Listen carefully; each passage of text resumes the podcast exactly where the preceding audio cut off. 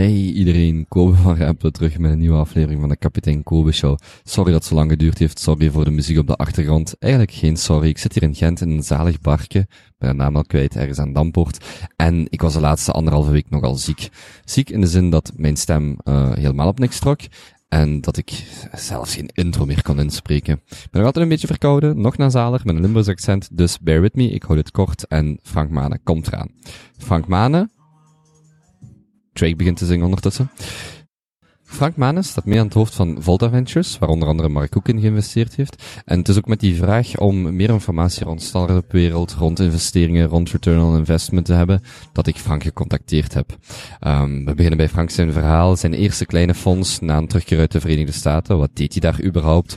We spreken over de 10.000 uren regel in zijn carrière, de verschillen tussen Europa en de VS, uh, over geboren verkopers, over return on investment of jobcreatie vanuit het standpunt van een durfkapitalist, de balans tussen begeleiden en besturen, het gebruik van publiek geld uh, voor, voor durfkapitaal, waar Frank het meeste van geniet, waar hij het minste van geniet, uh, welk middelbaar welk middelbare vak, welk middelbaar vak Frank direct zou verplichten, het nut en onnut van testen, testen, testen, testen, testen en nog eens testen.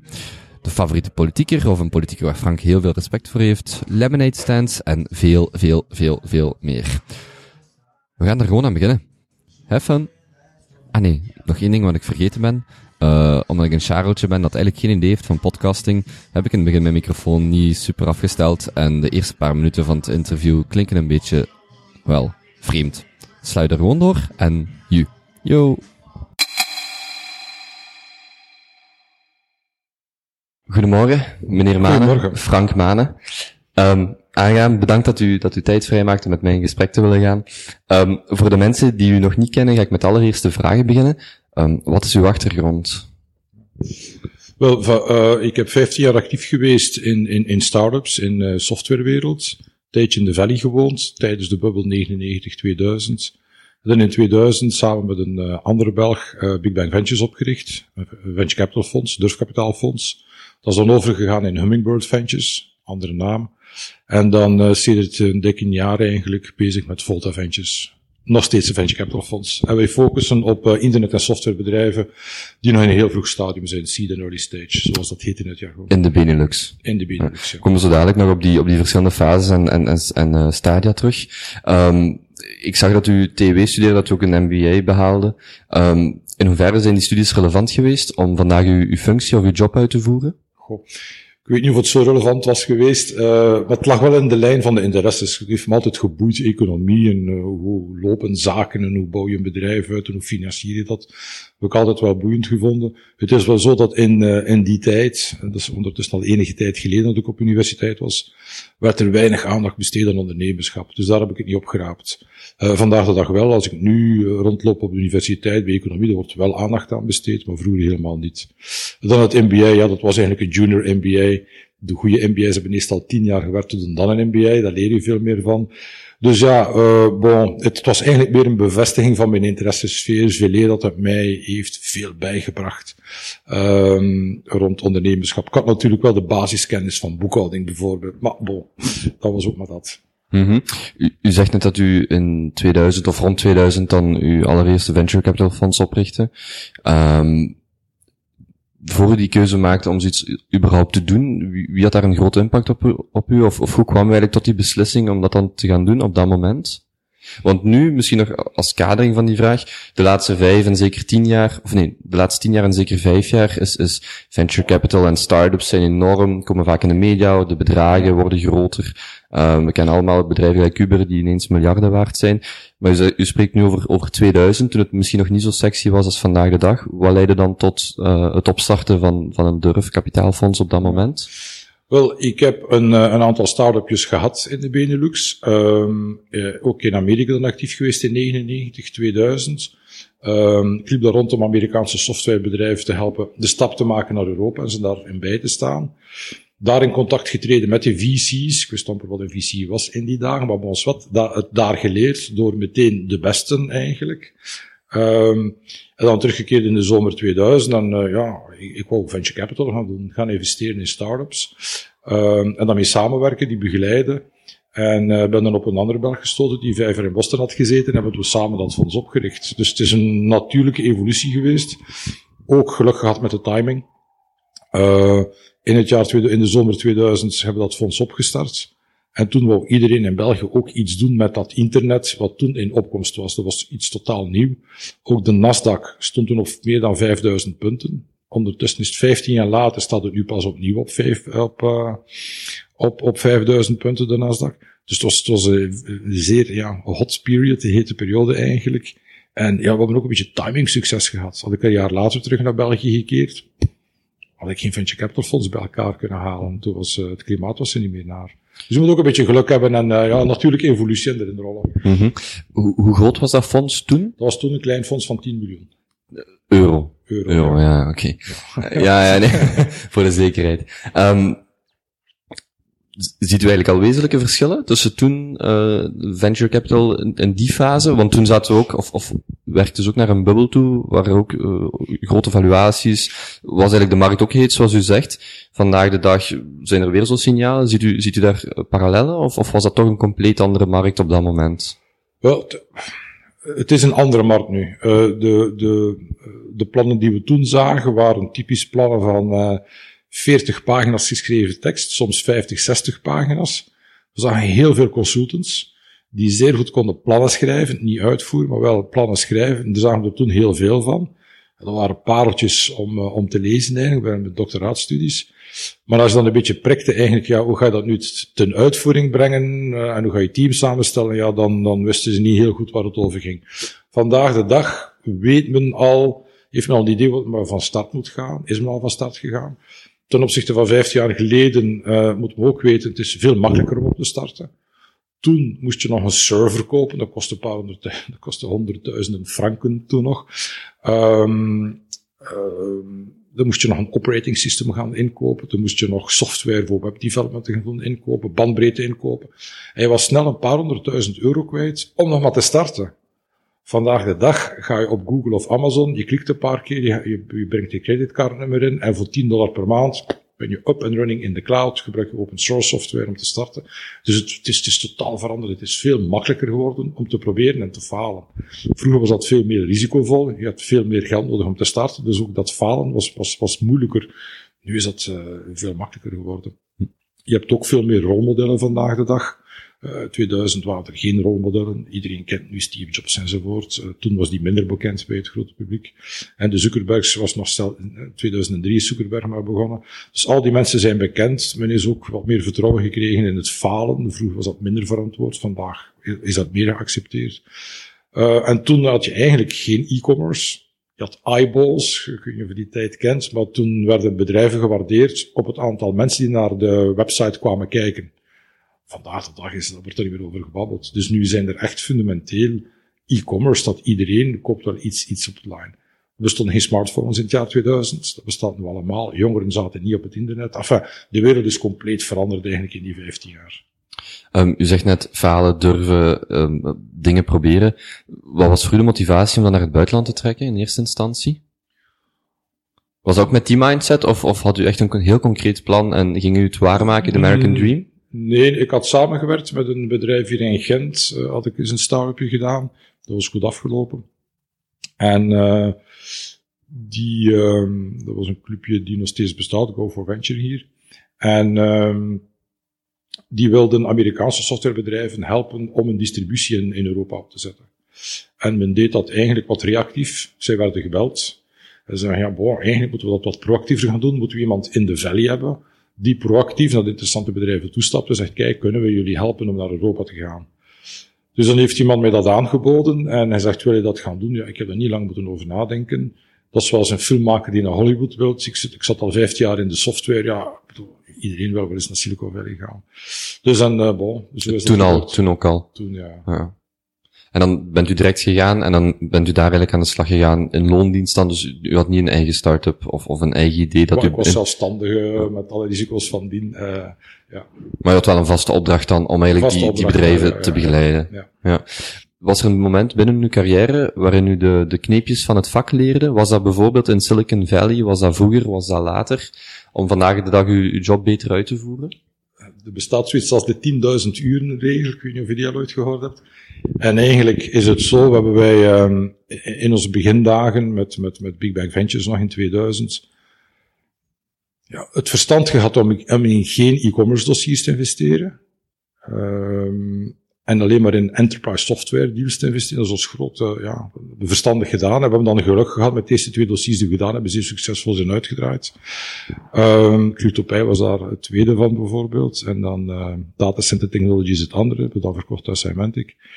De volgende twee dossiers zijn failliet gegaan, dus wat, wat goed. Maar enfin, we hebben, uh, we hebben het, het, verstand gehad om geen e-commerce te doen en het geluk gehad om in deze twee dossiers ja, te scoren. Um, dat was meer geluk dan wijsheid waarschijnlijk achteraf bekeken. Maar het duurt, ja, het duurt, ja, voordat je eigenlijk echt goed weet in deze business venture capital, we hebben het allemaal moeten leren zelf. Um, dan ben je toch, ja, makkelijk zeven jaar bezig, uh, voordat je snapt, voordat je alles zo'n beetje snapt, tot tien jaar eigenlijk. Want je moet dus een upcycle hebben gekend, je moet een downcycle gekend hebben, je moet dus een exit hebben meegemaakt, ook een faillissement. En die dingen nemen jaren. Dat duurt makkelijk vijf jaar voordat je aan een exit komt, of aan een faillissement komt, of aan een uh, upcycle of een downcycle. Dus dat, daar heb je gewoon wat tijd voor nodig om daar... Dus dat, neemt, dat heeft zijn tijd. Dus, uh, er is geen snelle route naar, naar een ervaren venture capitalist. Nee, dat is echt de, de uren doen. En... moet je uren doen. Dus als ik nu terugkijk, wat, wat ik wist in 2000, ja, uh, dan krab ik ook af en toe eens mijn haar, we hebben dat toch maar gedaan. um, ziet u culturele verschillen tussen de Amerikaanse en de Europese durfkapitalisten? Um, ja, veel agressiever en assertiever, de Amerikanen. Uh, moet wel opletten, Amerikanen, Silicon Valley is, is, is, is het meest extreme. In LA zijn ze nog vrij extreem. In Boston zijn ze wat rustiger, wat dat wat Europese. Dus er is ook regionale verschillen hoor. En als je naar een durfkapitalist centrum van, uh, van Amerika gaat, is dat nog steeds agressiever, assertiever dan, dan hier, maar niet zo erg als in de Valley. Um, maar gaat er ook sneller zijn nek uitsteken op het dossier en te double down, in de plaats van, ja, gaat het lukken of niet? Weet je wat, we gaan er nog wat geld bij stoppen. Ja, men is daar in België dat toch wel, of in Europa wat voorzichtiger. Dus veel agressiever, assertiever. De successen zijn ook groter, uh, maar de falingen zijn ook veel meer voorkomend. Heeft u het dan uitsluitend over financiële successen? Financiële ja, successen. Okay. Um, dus ja, dus je hebt een cultuur van, van, van proberen en falen, dat is niet erg. Uh, proberen en succes hebben wordt naar opgekeken. Dat is in Europa minder het geval. Er wordt wat enige afzend, afgunst gekeken naar mensen die succesvol zijn geweest en wat geld hebben verdiend. Ja, die cultuur ligt daar anders. Uh, er wordt daar ook met meer respect gekeken naar een verkoper. Want op het einde van de rit mogen wij lullen wat we willen over technologie, maar die dingen moeten verkocht worden. En daar heb je een sales- en marketing team voor nodig. En dan kunnen de Amerikanen als de beste. En dan kunnen wij in Europa, zeker in België, nog heel wat van leren. En het is dat is ons grootste aandachtspunt eigenlijk hier. Dus sales en marketing. Respect voor dus, sales en marketing. Ja. Um, van het bedrijf, niet van de, niet van de exit of niet van de verkoop. Nee, nee, nee, nee dus echt, echt van het bedrijf zelf. Het exit, dat komt wel ooit. Je kunt niet investeren in een bedrijf en nadenken, wanneer gaan we dat hier gaan verkopen? Hoe, ik bedoel, je moet je bedrijf opzetten, het bedrijf draaien en die gelegenheid zal zich wel eens gaan voordoen. Dus u zegt echt de sales en marketing van het bedrijf zelf, hoe dat ze dat daar aanpakken. Ja en product. Dus hoe zet je het product in de markt, hoe verkoop je het, aan wie verkoop je het, wie is je concurrentie, enzovoort, enzovoort. Die dingen eigenlijk, daar is men minder sterk in, in, uh, in Europa dan in Amerika. Ziet u daar een oorzaak voor?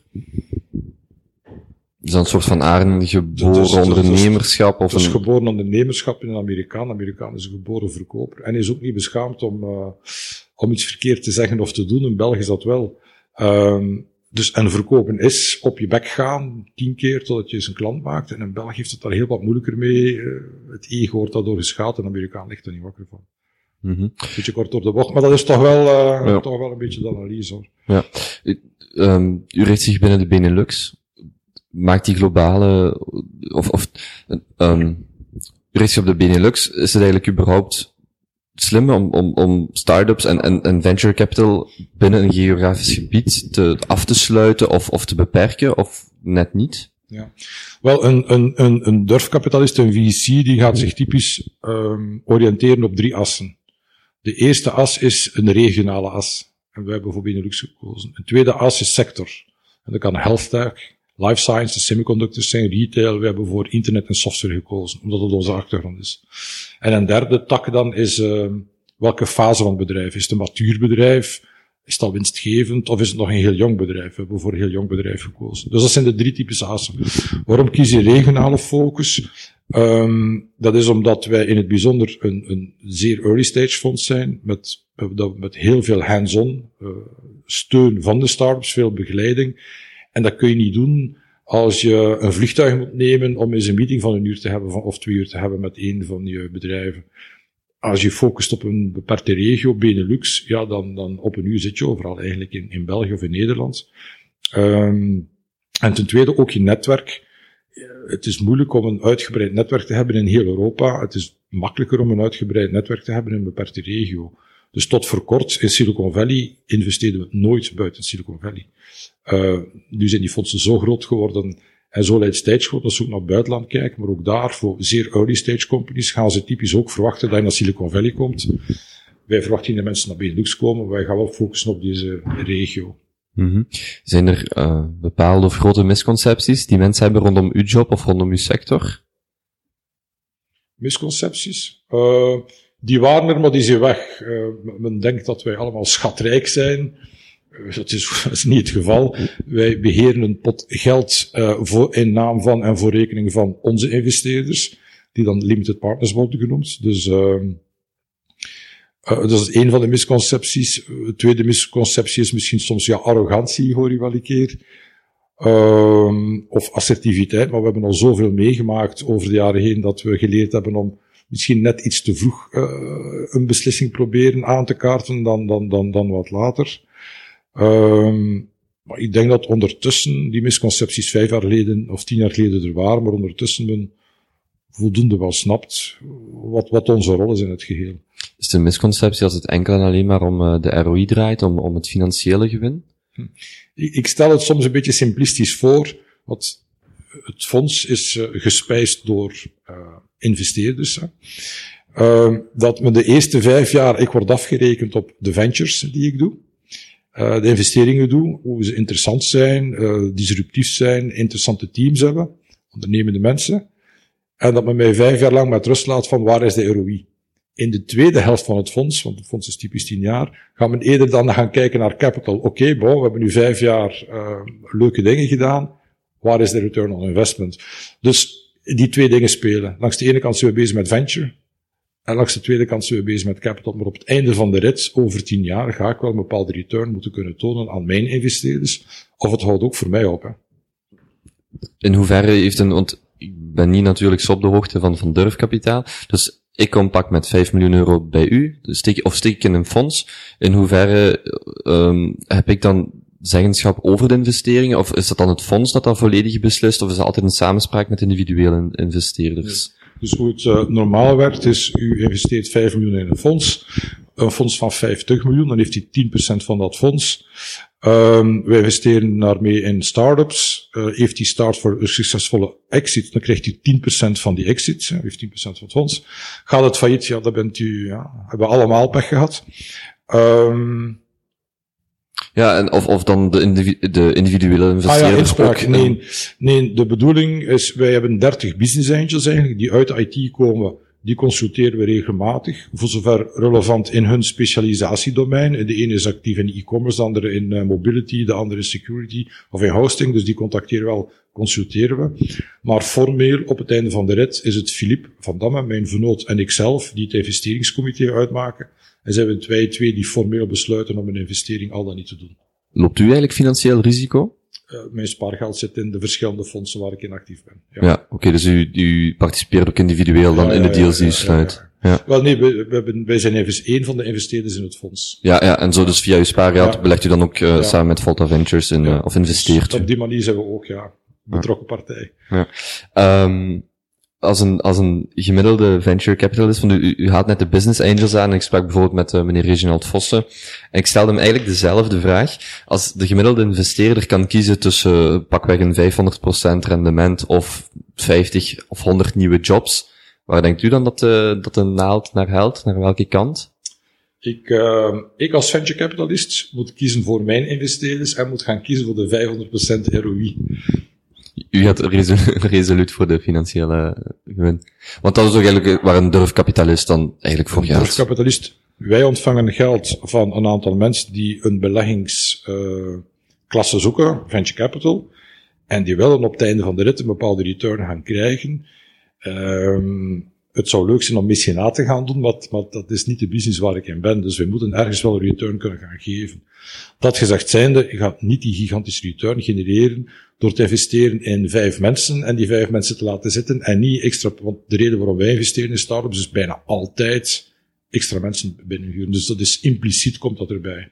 Mm Is die, want ik, ik sprak bijvoorbeeld ook met Davy Kestens en hij zegt ja, de loonkosten, de loonmassa is zo'n grote kostenpost binnen ons bedrijf. Is dat waar de meeste start-ups naar op zoek zijn? 70, vrij simpel eigenlijk wat we doen. We doen internet en software. We hebben geen kantoorgebouwen of machines of zoiets. Dus, um, of winkels, dat hebben we allemaal niet. Dus typisch is zeker 70% van de totale kost op jaarbasis is personeelskosten.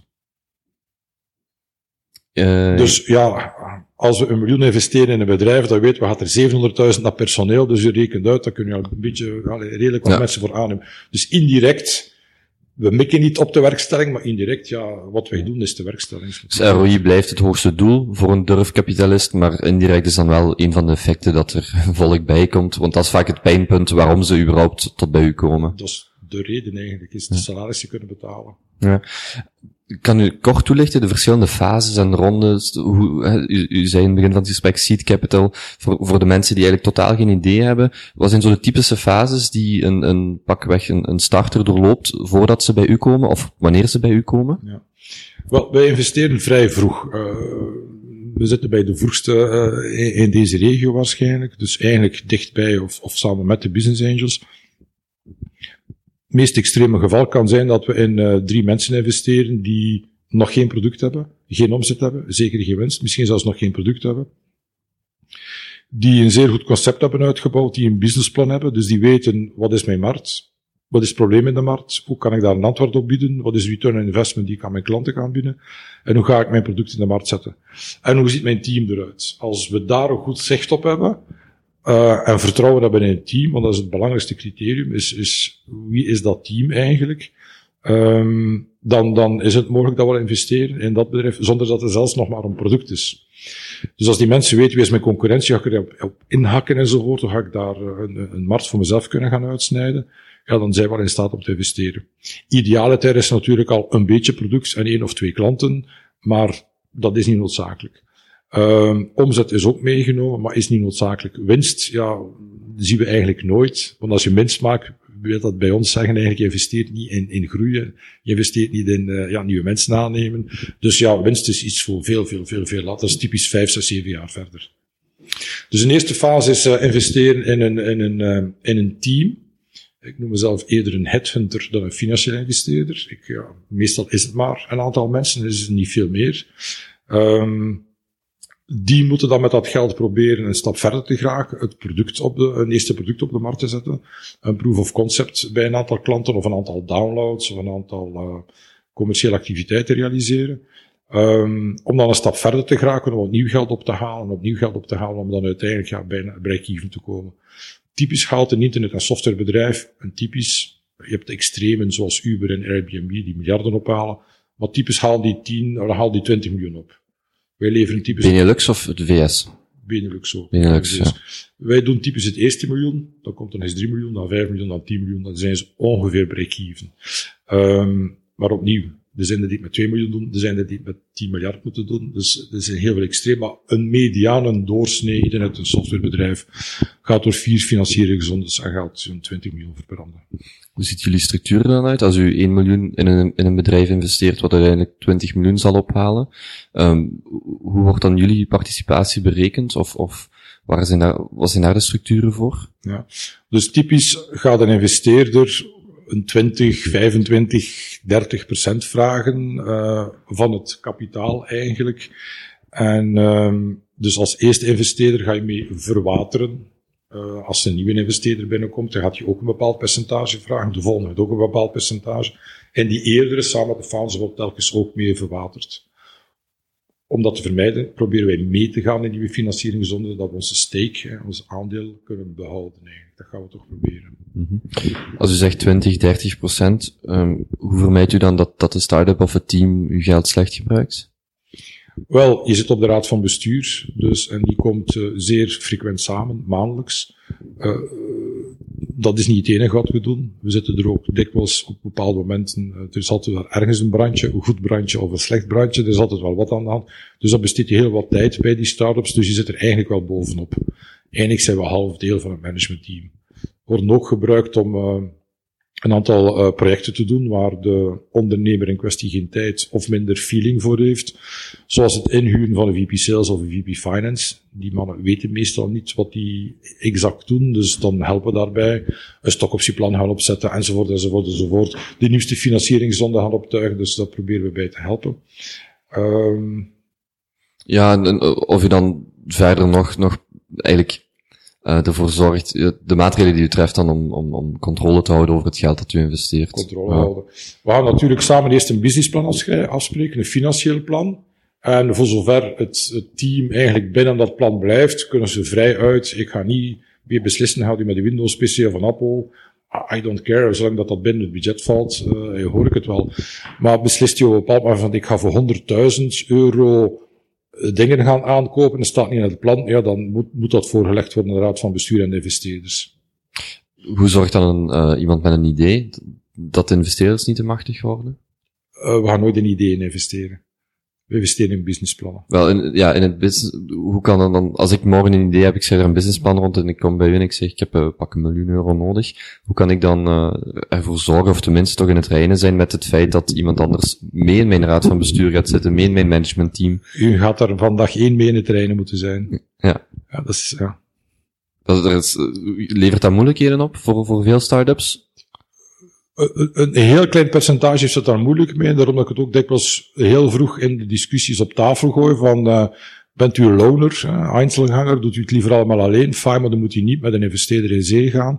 Want een investeerder gaat hoe dan ook toch enige inspraak willen hebben over hoe zijn investering wordt aangewend. Dus als je daar niet mee kunt leven, dan moet je beter gewoon op je eigen verder gaan zonder investeerder. Maar de meesten die gaan uh, geld ophalen, hebben dat besluit al genomen en uh, proberen ook te genieten van het feit dat die uh, investeerder, een goede investeerder, heeft ervaring en kan een start-up wel eens bijbrengen. Heeft ook een uitgebreid netwerk met klanten en partners die ze kunnen aanspreken, met personeel die ze kunnen vinden voor hen. Uh, advies over, gaan we nu naar Amerika, gaan we over twee jaar naar Amerika. Die dingen hebben de meeste, de goede investeerders, hebben de dingen allemaal al meegemaakt. En kunnen ook eigenlijk als klankbord slash coach uh, fungeren voor de ondernemer.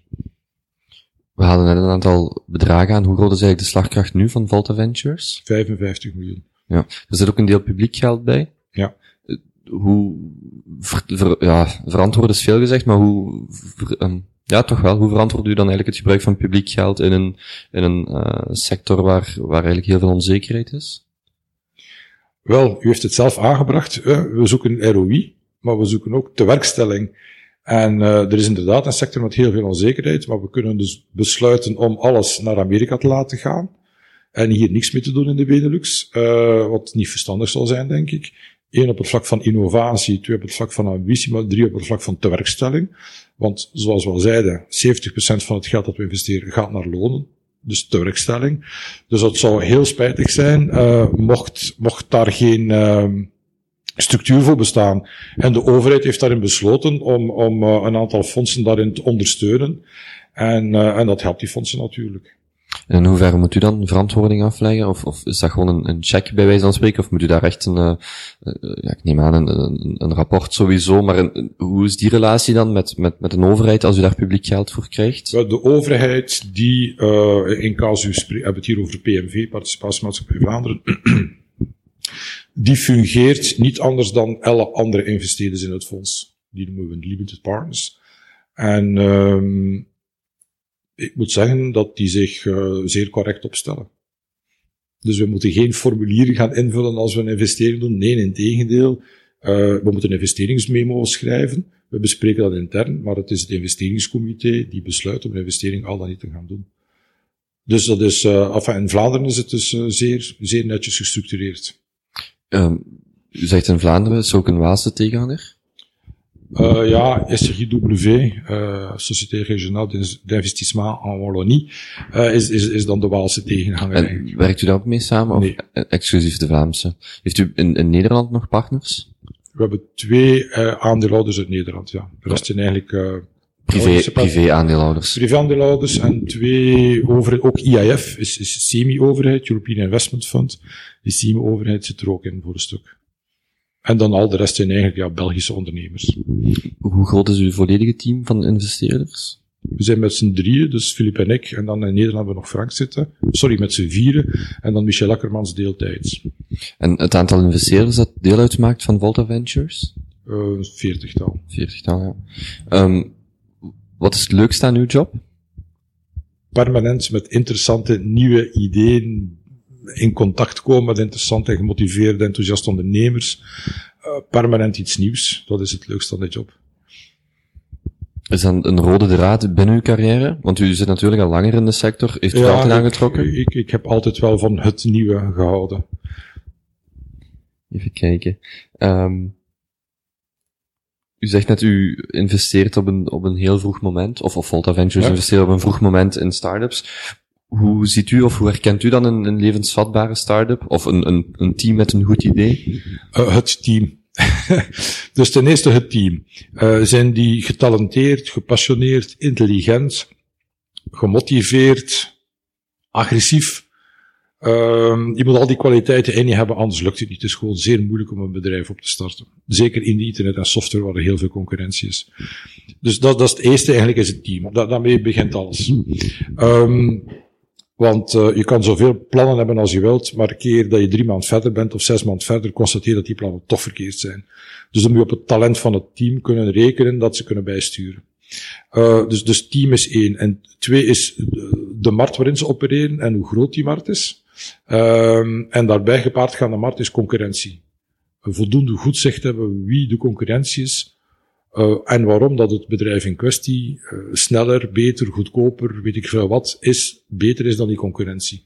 Daar moeten we een goede inschatting van krijgen. Kunnen ze dat niet, dan, dan haken wij af. Ik ga zo dadelijk in, eh, nog inspelen op, um, op, op, op een goed team. Voor die concurrentie, bestaan er eigenlijk markten waar er absoluut geen concurrentie is? Of is zoiets een mythe? Dat is een mythe. Als iemand bij mij komt, ik heb geen concurrentie, dan vliegen ze buiten. Wel, kijk, het is heel simpel. Uh, ik geef graag het voorbeeld. Als u drie kilometer van uw werk woont, dan gaat uw keuze niet, ga ik een Opel Kadett nemen of een Volkswagen Golf. Dat is de keuze niet. Dus het gaat niet tussen twee auto's, het gaat ook tussen, ja, ga ik te voet met mijn schoenen, neem ik de bus, neem ik de tram, neem ik de fiets. Er zijn massa's, het is altijd een alternatief. Het is altijd een alternatief. Ook in de, ook in de informatica en de internetsector dan? Excel is klassiek het grootste alternatief. Veel mensen werken nog steeds met Excel. Dus de grootste concurrent van veel enterprise software dingen is nog altijd Excel. Ja, ik is altijd een alternatief. Ik een, een vriend had en die, die, die vertelde mij dat ze bij, bij een grote Belgische firma kwamen. Ik weet de naam nu niet meer. Hij zegt dat is ongelooflijk, die doen gewoon bijna alles in Excel en dat, dat is een bedrijf met miljarden omzet. En dat is klassiek, is klassiek. um, ik, ik wou nog even terugkomen op dat team. Um, is dat een gevoelsmatige kwestie? Of zijn er KPI's? Of, of hoe, hoe, schat u dat dan in? Je kunt het niet kwantificeren. Nee. Het is grotendeels gevoelmatig, gevoelsmatig. Het is ook, ja, hoe, hoe um, in discussies, hoe, hoe koppig zijn ze? En er moet een bepaalde graad van koppigheid in hun zitten. Maar hoe open zijn ze voor opmerkingen en suggesties? Want dat ze een bepaalde mate moeten daarvoor openstaan, maar een bepaalde mate ook niet. Want ze moeten ook ruggengraat hebben om hun eigen ding te blijven doen. Dus die dingen proberen we af te toetsen eigenlijk. Um, ik, ik wil even weggaan van de, van de start-ups per se en meer al, algemeen kijken. Hoe is eigenlijk het fiscale klimaat in België voor start-ups of voor uw uh, fonds versus de rest van de wereld? Um, typisch hier is dat we, dat we kleinere bedragen nog altijd zien als bijvoorbeeld de Verenigde Staten en zeker Silicon Valley, wat dan een, een uh, extreme situatie is. Is het hier gunstig genoeg om, om als fonds rendabel te zijn om te investeren? Er zijn voldoende uh, structuren, zoals private privac-structuur en andere structuren, om daar eigenlijk, is dat niet iets dat speelt, moet ik bekennen. Dat is een gemakkelijk excuus om te verwijzen naar de belastingen, maar het is wel zo dat de bedrijven investeren, die maken al per definitie geen winst. Dus het probleem van belastingen, van opstelbelasting stelt zichzelf niet. Belasting, wat, wat wel speelt natuurlijk, is de belastingen op, op uh, personenbelasting en sociale zekerheid, wat in België aan de hoge kant is, enfin, hoog is. Maar ook daar zijn er maatregelen genomen door de overheid om daar een, uh, voor eerste werknemer enzovoort enzovoort, om daar kortingen op te krijgen. Dus er is nog nooit een bedrijf, heb ik weten, verkeerd gaan omwille van het feit van de belastingen of de Belgische overheid. Ik vind dat een zeer gemakkelijk excuus eigenlijk. Zelfs wanneer u 70% in, in loonkosten eigenlijk investeert, zegt u dat het nog een, eigenlijk een te gemakkelijk excuus is om... Het is een te gemakkelijk excuus. Ja, ja. Minder belastingen is natuurlijk altijd goed en dat gaat ieder ondernemer willen.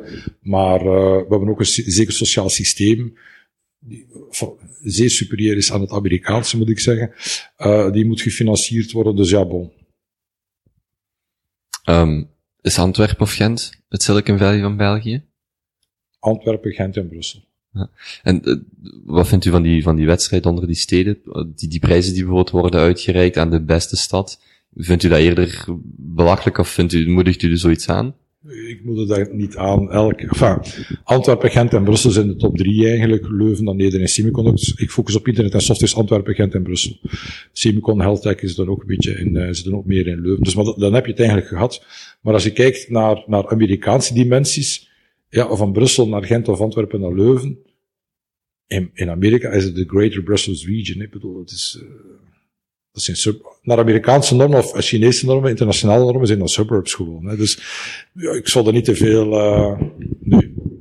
Ja want ik, ik, ik sprak met Davy Kestens ook over, over dat onderwerp en hij zegt, ja, dat is gewoon belachelijk dat ze hier een, een soort van wedstrijd doen van de beste start-up stad, want als je, als je zoiets in Silicon Valley, hij zegt, Vlaanderen is misschien Silicon Valley, als je dan toch wilt ja. uh, competeren met die mensen, maar, maar het is belachelijk dat we eigenlijk aan steden een soort van prijs gaan geven van jullie, jullie doen het dit jaar nee. beter, nee. terwijl dat de regio zo klein is. Um, wat zijn de goede eigenschappen die, of de eigenschappen die goede durfkapitalisten met elkaar gemeen hebben? Uh, de goede, hebben ervaring in startups. Als je in startups investeert, moet je zelf een start-up hebben gehad. Anders weet je niet waar het over gaat. Je weet niet wat die mens meemaakt die tegenover je zit, dat hij de lonen niet kan betalen, dat hij het faillissement in de ogen kijkt. Dus dat gebeurt allemaal bij elke start-up. Hij moet dat zelf hebben meegemaakt. Um, je moet ook de onzekerheid kunnen uh, inschatten. In grote bedrijven zijn veel dingen planbaar. In een start-up is er weinig tot niets planbaar, want er is niks om in te plannen. Het is een zeer onzekere rit waar je op gaat. Je kunt wel een plan gaan maken, maar in de realiteit heb je geen team, geen, geen namen op terug te vallen. Zo'n groot bedrijf heb je nog geen klanten, dus moet je heel de weg nog gaan afleggen en gaan uitvinden. Dus, uh, dus dat is wel een aandachtspunt. Stel ik wil ook durfkapitalist worden. Um, stel ik heb geld van thuis of ik heb gewoon, ik heb 5 miljoen aan de kant liggen en ik wil durfkapitalist worden en ik heb daar geen idee van hoe kan ik dan zo snel mogelijk um, toch ervaring opdoen? Uh, als u dat heeft, die 5 miljoen, en u wil iets gaan doen, dan kan u business angel worden, dan bent u uw eigen baas en moet u met niemand anders rekening houden. Dus dat zal het simpelste zijn. Wil u dan toch per se durfkapitalist gaan worden, dan, uh, dan is het best om u, u oftewel bij een start-up te gaan werken, en proberen geld op te halen bij een durfkapitalist, want dan maakt u het mee aan de andere kant. Uh, dan wel te proberen bij een, star, bij een venture capital fonds uh, te kunnen aansluiten als associate of analyst of principal, om daardoor een leerschool te gaan. Dat zijn de twee pistes eigenlijk. De beste piste is bij start-up gaan werken. En nog beter is dan je eigen start-up uit je grond stampen. Absoluut. Als je die capaciteit en die, die interesse hebt. Um, u zegt net dat u, u, uh, uw fonds of, of uw investeerders een, een, soort van mentorschap of toch een soort van begeleiding en, en uh, netwerk meebrengen. Hoe, hoe belangrijk is die rol van mentorschap? Wel, hoe vroeger je investeert in een bedrijf, hoe belangrijker vind ik. Uh, daar zitten dikwijls drie, vier, vijf mensen, hè, waarvan twee, drie developers, één Manus van alles, de, de oprichter slash CEO, en dikwijls is het dat. Dus uh, dikwijls heeft die persoon nog geen start-up gedaan. Uh, dus weet niet wat dat is, met de raad van bestuur omgaan, of, of, of uh, commerciële contracten tekenen, of uh, wanneer ga ik naar Amerika, wanneer huur ik een VP Finance of een VP Sales in, en wat doen die mannen dan? Uh, dus die, die mensen kunnen wel wat begeleiding gebruiken. Niet alleen op het vlak van advies, maar ook op het vlak van tijd. Want er is dikwijls maar één of twee mensen die naar de business kijken en een paar developers die dan het product bouwen. Ja, dat is, die zijn permanent understaffed. Dus dan is het ook aan de visie om ze bij te staan in een aantal projecten eigenlijk en die voor een groot stuk over te nemen. Is dat een van jullie uh, verkoopsargumenten, als ik het zo zeggen? Dat is een van onze verkoopsargumenten, ja. Um, Wist u dan eigenlijk al op jongere leeftijd dat u vandaag de dag hier zou zitten, of dat u dit soort carrière zou uitbouwen? Nooit. Ik wist niet wat dat was. Ik wist niet wat dat was, een venture capitalist. Dus nee. En als u dan terug kan gaan naar pakweg uw, uw 25-jarige zelf, zou u zelf dan een raad meegeven? Misschien kan u nog plaatsen waar u op dat moment in de tijd zat of, of Ik mee bezig was? Ja, ik werkte toen bij een kleine systeemintegrator. Eh, nee, de dingen zijn gelopen zoals ze zijn gelopen. Met een beetje geluk natuurlijk. Eh, veel advies heb ik me niet te geven op dat moment. De wereld was toen ook compleet anders. Er waren geen start-ups. Het was echt iets Silicon Valley hè, toen. Dus u bent tevreden met, met eh, het verloop van uw carrière waar u vandaag de dag zit? Als ik terugkijk met waar ik vandaan kom, dan zou ik zeggen, ja, fantastisch. Ja. Ehm, venture capital of durfkapitaal is een van de, van de mogelijke financieringen voor bedrijven. Hoe, hoe kijkt u naar andere dingen? Gelijk, ik zeg maar KBC met Bolero, die met crowdfunding enorm actief zijn, business angels, waar u dichter tegenaan leunt. Hoe, hoe, ziet u die als concurrentie? Of, of, of Nee, dat is geen concurrentie, want uh, we hebben het al aangehaald. Niet iedereen is in de wieg gelegd voor venture capital. Uh, het heeft zijn consequenties. Er komt iemand erbij op de raad van bestuur, die ook zijn zegje wil hebben. Um, de VC die gaat de typisch agressieve groei opzoeken. En geen voorzichtige groei, maar agressieve groei. Met alle risico's van dien. Dus er zijn een aantal consequenties uh, verbonden met in, het in de zee gaan van een venture capitalist. En een andere zaak is, de kans op venture capital op te halen is eigenlijk zeer beperkt. Dat is 1 of 2 procent van de start-ups gaan venture capital ophalen. Dus het zou onverstandig zijn om alleen maar op venture capital te mikken. Verstandiger is om al die pistes, crowdfunding, uh, business angels, subsidies, bij een incubator gaan, naar een bank gaan, die moet je allemaal gaan bestuderen. Uh, in parallel. -hmm. um, u, u, u staat dan aan het hoofd van een, van een fonds. Um, nee, wacht. Ik ga mijn vraag anders stellen. Um, even denken. Wat kan de gemiddelde jongere, of, of niet per se jongere, wat kan de gemiddelde persoon met een idee dan, dan van u leren? Over, als u, als u één of twee tips, of, of meer of minder, uh, kan meegeven om echt een succesvol dossier, want u haalt net aan 1 à 2 procent slaagt erin, hè, waarvan heel veel mensen misschien onderschatten hoeveel werk dat erin kruipt, alvorens je een aantal miljoen ophaalt. Um, wat geeft u die mensen dan mee om, om een succesvol dossier in te dienen en tot een succesvolle funding te komen? Ga zo snel mogelijk naar buiten. Ga zo snel mogelijk en zoveel mogelijk met zoveel mogelijk mensen babbelen over jouw product of dienst die je in de markt wil gaan zetten. Uh, de neiging bestaat om in België dat uh, in een kotje te gaan doen en te beginnen developen, ontwikkelen gedurende jaren, niet naar buiten te komen. Is zeer onverstandig.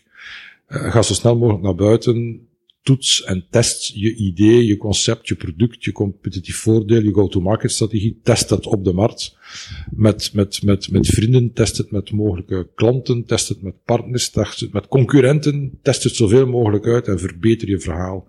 Want het is niet door in een kamer te zitten en een uh, mooie PowerPoint te schrijven dat je een goed bedrijf gaat uitbouwen. Je bedrijf moet getoetst worden aan de markt. Dus ga zo snel mogelijk naar buiten, is mijn advies. -hmm als iemand dan naar buiten gaat, met wie zouden ze dan, of met welk profiel gaan ze best spreken, of, of overleggen of testen? Of is dat zijn, kan dat evengoed vrienden, familie, waar dat ze iets aan laten zien, afhankelijk van het product natuurlijk. Ja. Um, is het gewoon belangrijk om überhaupt feedback te krijgen, of, of feedback van specifieke sectoren, of specifieke bedrijven, of specifieke profielen? Best feedback krijgen, uh, als u uh, koffiebekertjes uh, verkoopt, ja, dan moet u uh, in winkels gaan rondlopen, dan moet u naar een koffiebranderij gaan, dan moet u in een restaurant gaan rondlopen. Dan moet u allemaal gaan testen van wat is de wereld van de koffiebekertjes. Ook met concurrenten gaan babbelen, heeft een nieuw koffiebekertje uitgevonden. Um, ja, dat gaat niet door erover na te denken. Dat, je moet nadenken, maar je moet ook gaan praten en discussiëren en dingen toetsen. De wereld intrekken en... Uh, de wereld intrekken, en, dat is het grootste advies en dat doet men te laat. In Amerika doet men dat, dat is ook een van de verschillen, dat doet men zeer vroeg eigenlijk. Mm -hmm. Als u terugkijkt, pak, pak een maximaal vijf jaar, um, in welk bedrijf had u dan wil investeren? En dan heb ik het niet alleen natuurlijk over het financiële, want dat is heel gemakkelijk, maar als u een bedrijf ziet, dat mag zowel in de Benelux als, als, als globaal zijn, wat echt zowel financieel een mooi parcours aflegt, maar ook een, een, een echte meerwaarde biedt. Zijn er, is er dan een modelbedrijf waarvan u zegt dat wat, wat dat team doet, zo zou ik uh, ook wel eens een team willen tegenkomen hier? Uh, wel, uh, als ik dan naar een Belgisch moet kijken die we gemist hebben, dan denk ik Drupal Akia. Um, een content management systeem. 2 à 3 procent van alle websites in de wereld draaien op het platform van Drupal Akia. Is dat bekend? Ja, ja Drupal... Ja. Uh, En, uh, toch, toch zeker binnen uw sector. Uh, Ja, ja, ja. Ik, ik zit niet helemaal binnen internet en ik, ik ben ermee bekend, dus uh, ja, neem ik aan. dus, dat is, dat is, dat dus ik had een paar keer gelezen, dat is ondertussen zeven jaar geleden waarschijnlijk hoor, um, gelezen dat MTV en Obama draaiden op Drupal van een kerel uit Antwerpen. Ik zeg, verdraaid. Dus ik contacteer Dries en hij zegt, ja Frank, je bent eigenlijk een maand te laat. Ik heb twee termsheets van twee uh, VC's uit Boston en ik verhuis naar Boston. Dus uh, dat is een heel spijtige zaak dat we hem niet in België hebben kunnen houden. En die hebben kunnen investeren. Een prachtig bedrijf en een prachtige kerel. Mm -hmm. We zijn nu zeven jaar later. Hoe, gaat het eigenlijk met Drupal? We, weet u dat zo? Het gaat zeer goed. Uh, Drupal, wat ik zeg, Drupal, uh, 2 à 3 procent van de, van alle websites in de wereld draaien op Drupal. Dus dat is, dat is wel stevig. En, en Akia, dus het, het dienstenbedrijf rond, uh, rond Drupal, draaide vorig jaar een 100 miljoen dollar omzet, geloof ik. Dus uh, dat is allemaal gestart uh, door een kerel op zijn uh, studentenkot in Antwerpen. Dus ja, dat is, dat is een hele mooie. En is er globaal nog iemand waarvan u zegt, ja, ferm team? Want Dries natuurlijk, maar zijn achternaam, Bijnens? Buitaard. Ja, dus Buitaard. Juist, want, want hij werd mij ook aangeraden door iemand anders. Um, had hij dan bepaalde karaktereigenschappen of, of een team waarin u op dat moment had gezegd, zeven jaar geleden, wat u daar specifiek toe tot aantrok? Wel, of was het puur en alleen het product? Hij had klanten. Hij, uh, dus het beste bewijs is klanten hebben. Uh, dus ik zei het, MTV draaide erop, Obama draaide erop. Ik zei, dat is, dat is ongelooflijk. Uh, een Amerikaanse presidentskandidaat zit op een Belgische site. Dat vond ik toch wel spectaculair. Ja. Um, is er een plafond voor het Belgische durfkapitaal? Een, een financieel plafond? U, u, zegt, wij hebben ongeveer een 55 miljoen in de portefeuille, in de portefeuille, portfolio, portefeuille. Um, zit er een plafond op? En natuurlijk is er monetair, er, er is een plafond, maar zegt u, platform, zegt u, ja, het kan echt nog vertienvoudigen bij wijze van spreken, of we zitten toch al eerder naar het maximum dat wij in de België of in de Benelux kunnen aanbieden? Wel, voor wat wij beoogden investeren in startende bedrijven, dan investeer je niet 10 miljoen per bedrijf om te starten, dan investeer je tot 1 miljoen eigenlijk, om een beetje het risico in te dekken. Als het niet lukt, ja, dan ben je een miljoen kwijt. Als je meteen er 10 miljoen tegenaan gooit en het mislukt, dan ben je veel geld kwijt. Dus vandaar faseer je dat in een aantal financieringsrondes. Dus wat wij voor ogen hebben was, was investeren in startende bedrijven, uh, dus kleinere bedragen.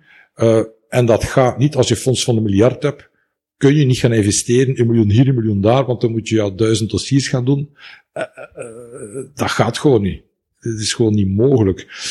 Want dat kun je niet, je kunt geen duizend bedrijven gaan begeleiden. Je kan, wij als fonds hebben voor overgesteld dat wij een 20, 25 dossiers gaan doen over de volgende vijf jaar. Die we dan begeleiden met vier mensen. Dus dat kun je begeleiden en ondersteunen.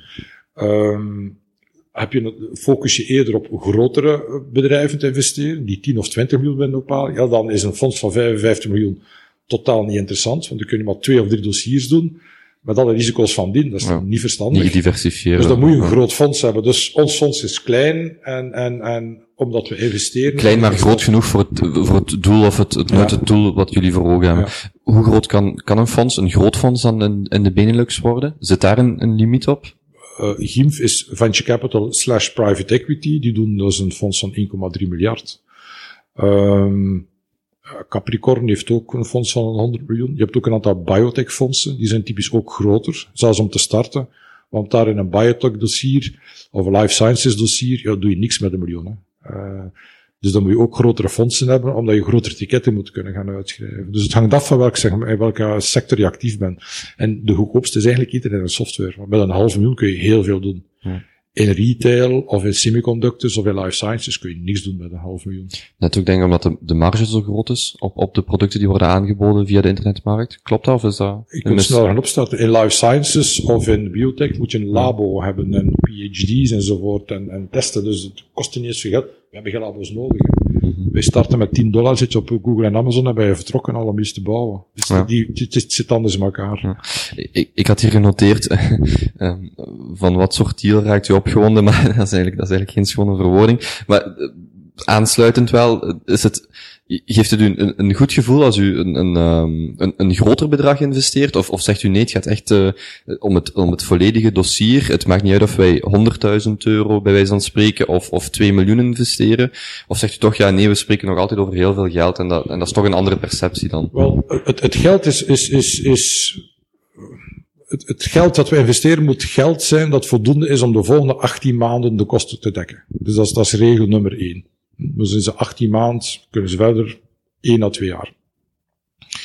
Uh, wacht, ik ben de vraag weer even vergeten. Ja, in, in, in hoeverre dat het het, het investeringsbedrag eigenlijk het, het, uh, het bedrag, dossier ja, valideert okay. of, of toch een, een ander gevoel geeft? Ja, wel, het bedrag op zich is, is, is minder spannend, maar we gaan eerder kijken in een eerste fase welk percentage kunnen we krijgen in die company.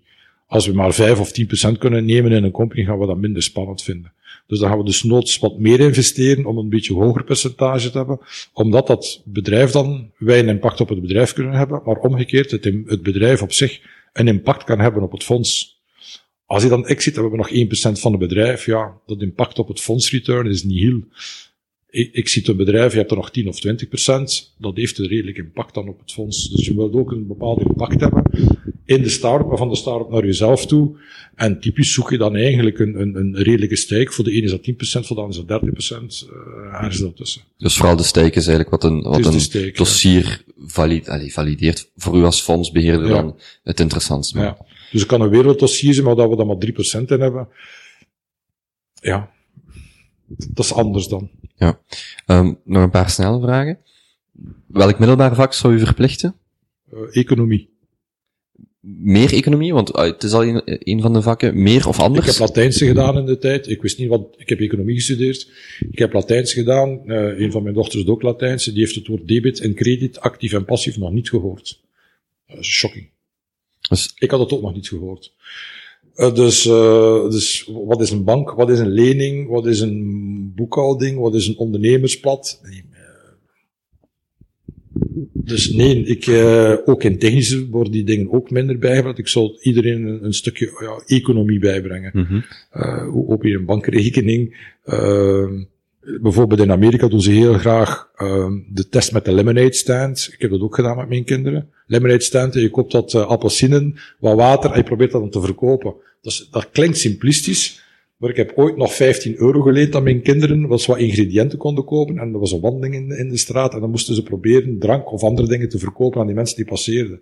Ja, dan leren ze het concept lenen, terugbetalen, winst maken, prijs zetten. Dus ja, dat, dat soort dingen zouden we, eigenlijk zouden dat soort vakken, ondernemerschap, economie, zou toch wel in de middelbare school moeten bijgebracht worden. Raadt u dat ook elke ouder aan, om zo dan op die manier die gaten aan te vullen of op te vullen? Ja, eigenlijk wel. Ja. En eh, zijn er daar voor de rest nog dingen, of, of, of misschien boeken of, of documentaires of wat dan ook, wat u mensen aanraadt om die, om die kennis te verbreden? Niet alleen kinderen? Boeken en kinderen, uh, middelbaar is wat delicaat natuurlijk. Hè. Uh, Nee, ik kan geen advies geven daarin. Mm -hmm. Ik denk dat dat dan misschien een aantal van die boeken ietsje te hoog gegrepen zijn voor lager middelbaar of hoger middelbaar. Mm -hmm. Dat weet ik niet.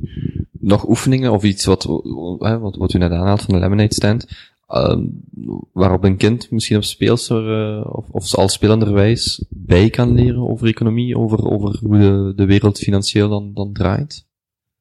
Misschien een aantal, eh, zelfs al is het theoretisch, van u moet uh, open een winkeltje, dat is, dat is iets dat ze altijd bevatten, want een internet- en softwarebedrijf, dat is, dat is moeilijk te vatten voor jongeren. Uh, dat is wat abstract, maar een winkeltje, hoe draait een winkeltje? Dat, dat, dat, of hoe draait een bakkerij, of hoe draait een beenhouwerij? Ik, dit zouden ze toch moeten enig vertrouwen mee hebben. Mensen die dat weten niet hoe, hoe een winkel draait. Dat ze dingen moeten inkopen, dat ze lonen moeten betalen, dat ze leningen moeten aannemen. Ze zouden elke student zou dat moeten bijgebracht krijgen. Mm -hmm. Zou je dat ook aan, aan, want we gingen daar net terug naar uw 25-jarige zelf, zou je dat ook de gemiddelde Belgische 25-jarige jonge gast of jonge dame meegeven van specialiseer u of, of verdiep u een beetje in, in economische materie? Ja, want uh, ook... Um, nou, doet u maar, doet u maar. Um, uh, ja, want bedoel, uh, ook een huishouden is een winkel. Hè. Er komt geld binnen, er gaat geld buiten, er moet geleend worden voor een auto of een huis. Dus dat zijn dingen, uh, iedereen moet dat kennen. Mm -hmm. um, wie zou u nog willen ontmoeten?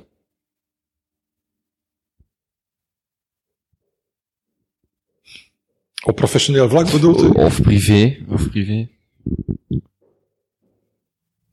Uh, geen idee, moet ik bekennen. Het komt me niemand, niet, niet iemand direct te binnen. Uh -huh. uh, een, een gelijkaardige vraag. Of, of uh, aan, aan, wie denkt u bij het woord succesvol? Is er iemand die direct uh, te binnen valt? Ja, Steve Jobs, ja. maar dat is de klassieker. -huh. Bill Gates, ja. Ja, ik heb die nog weten opstarten. Ik ben voldoende oud om die nog weten starten te hebben en weten deze producten nog gekocht, way back in, in de jaren tachtig. Dus ja, dat zijn uh, sterke kerels. Ja, en dat ze dan toch het succes zo hebben waargemaakt, hun visie hebben doorgezet. En, ja. uh, heeft u een favoriet historisch figuur? Behalve dan Steve Jobs, die overleden is natuurlijk. Favoriet historisch figuur. Uh, Winston Churchill, Atatürk vind ik wel krachtige figuren. Wat hebben die gemeenschappelijk? Of, of waarom zijn die zo, zo krachtig in uw visie? Uh, omdat ze tegen de uh, stroom in bepaalde dingen hebben gerealiseerd. Uh, Churchill, wat die man allemaal heeft meegemaakt, vind ik fenomenaal. Twee wereldoorlogen meegemaakt, prime minister geweest en toch Engeland op de rails gehouden om tegen nazisme op te komen. Atatürk die, die, die het land volledig heeft veranderd eigenlijk, volledig heeft verwesterd. Ja, je moet het maar doen in de jaren twintig. Mm -hmm.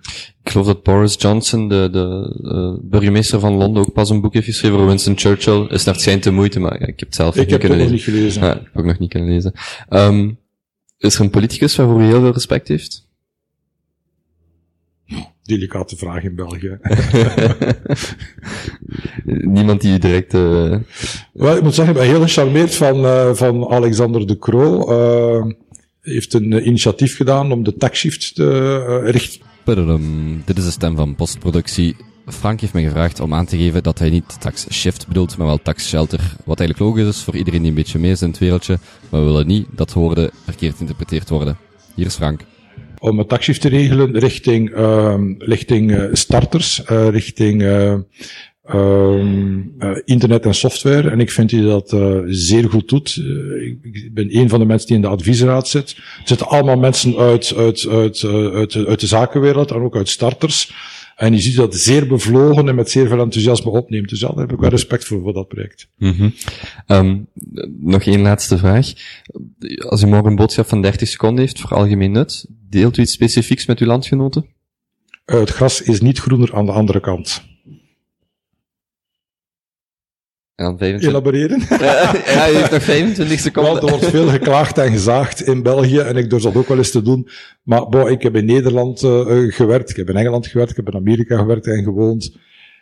Uh, ik heb in Turkije ook veel actief geweest. Er is altijd wel wat in het land. Er zijn altijd positieve zaken en een aantal minder positieve zaken. En al bij al is het hier helemaal niet zo slecht door in België. Ja. Meneer Mane, bedankt voor het gesprek. Voor degenen die u willen contacteren of, of die meer informatie willen opzoeken, waar vinden mensen u en Volta Ventures? Voltaventures.eu. En voor u persoonlijk? Op LinkedIn. Op LinkedIn, oké. Okay. En op Twitter.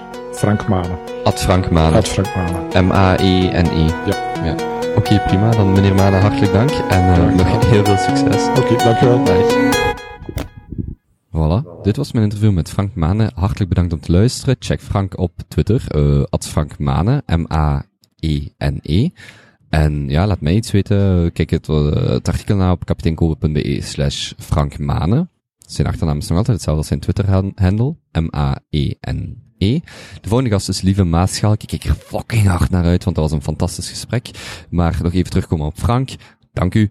Als je dit onderwerp interessant vindt, check zeker ook mijn uh, gesprek met uh, Reginald Vossen van Business Angels Network België. Nee, Vlaanderen. En check een aantal startups zoals Jazzwick of Spark Central, waarmee ik ook uh, een aantal gesprekken heb gehad. Dankjewel en tot de volgende. Yo!